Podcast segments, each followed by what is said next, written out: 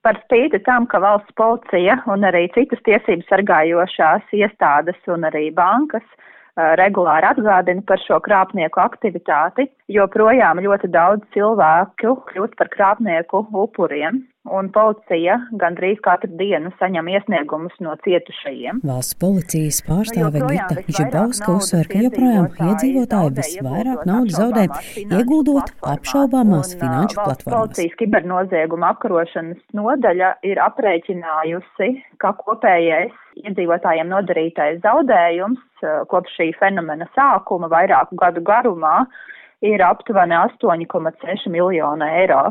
Tāpat aizvien aktuāls ir arī krāpniecības schēmas, izmantojot telefonu zvanu, kad krāpnieki uzdodas par bankas darbiniekiem. Cilvēkiem, kuri iekrituši krāpnieku valgos, ir svarīgi ātri un pareizi rīkoties. Ja krāpnieki pamanījušies iztukšot bankas kontu, tad vispirms jāvēršas savā bankā, un jo ātrāk, jo lielāks cerības naudu atgūt, jo banka var apturēt naudas pārskaitījumu. Un nākamais solis ir vēršanās ar iesniegumu policijai policijā.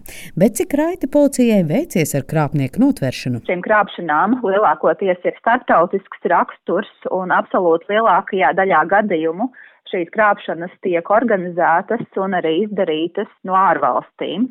Un Latvijas valsts policijas rīcībā ir informācija, ka Austrum Eiropā ir vairāk lielu zvanu centri, kur katrā strādā simtiem cilvēku, kas uz turieni būtībā nāk kā uz darbu.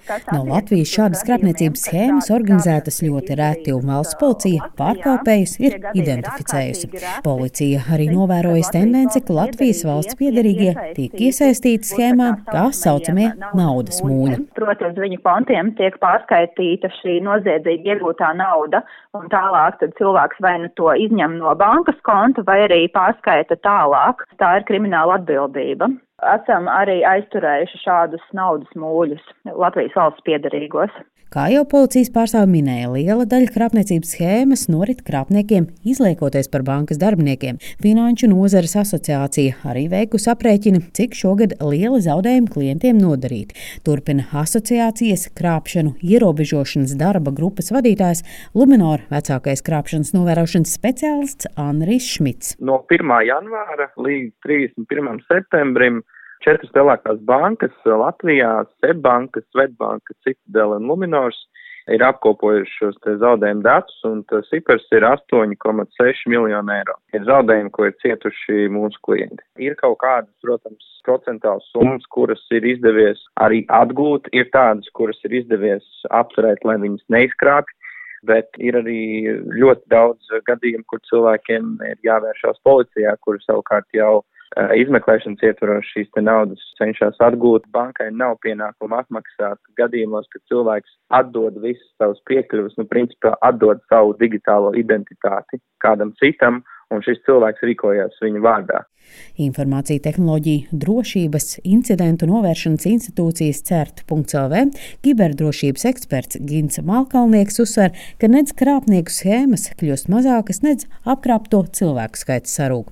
Ziņojumi par krāpšanas gadījumiem pie CERT nonāk katru dienu. Diemžēl cilvēki ir tie, kas iekrīt uz ļoti labi zināmām un ļoti ilgstoši strādājošām schēmām. Nav tā, ka tas eh, lietas, kā cilvēki tiek apkrāptas, būtu kaut kas īpaši inovatīvs.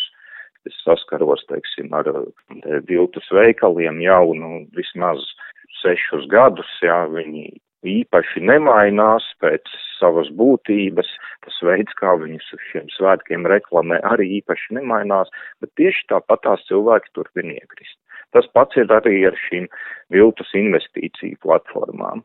Piesolam lielu peļņu par mazu ieguldījumu no jūsu puses. Šķiet, ka jūsu it kā noguldītā nauda aug, nu, līdz brīdim, kamēr jūs mēģināsiet viņu dabūt ārā. Šomēnes par banku ķīlniekiem kļuvuši arī vairāki lieli uzņēmumi, tostarp Maksima Latvija. Šo uzņēmumu vārdā krāpnieki rīko vai nu izsoles, aptaujas, kā arī aicina dalīties ar viltus ziņu savā draugu lokā.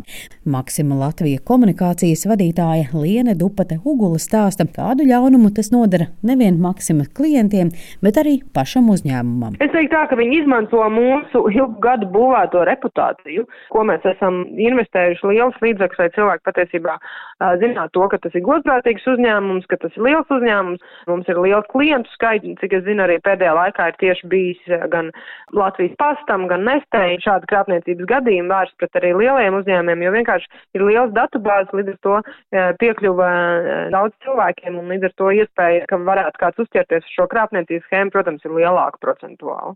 Tomēr viņas prāt priecējošs ir fakts, ka cilvēki aizvien biežāk atpazīst krāpnieku schēmas, ziņo par tām un kļūst digitāli izglītotāki. Linda Zalāne, Latvijas radio.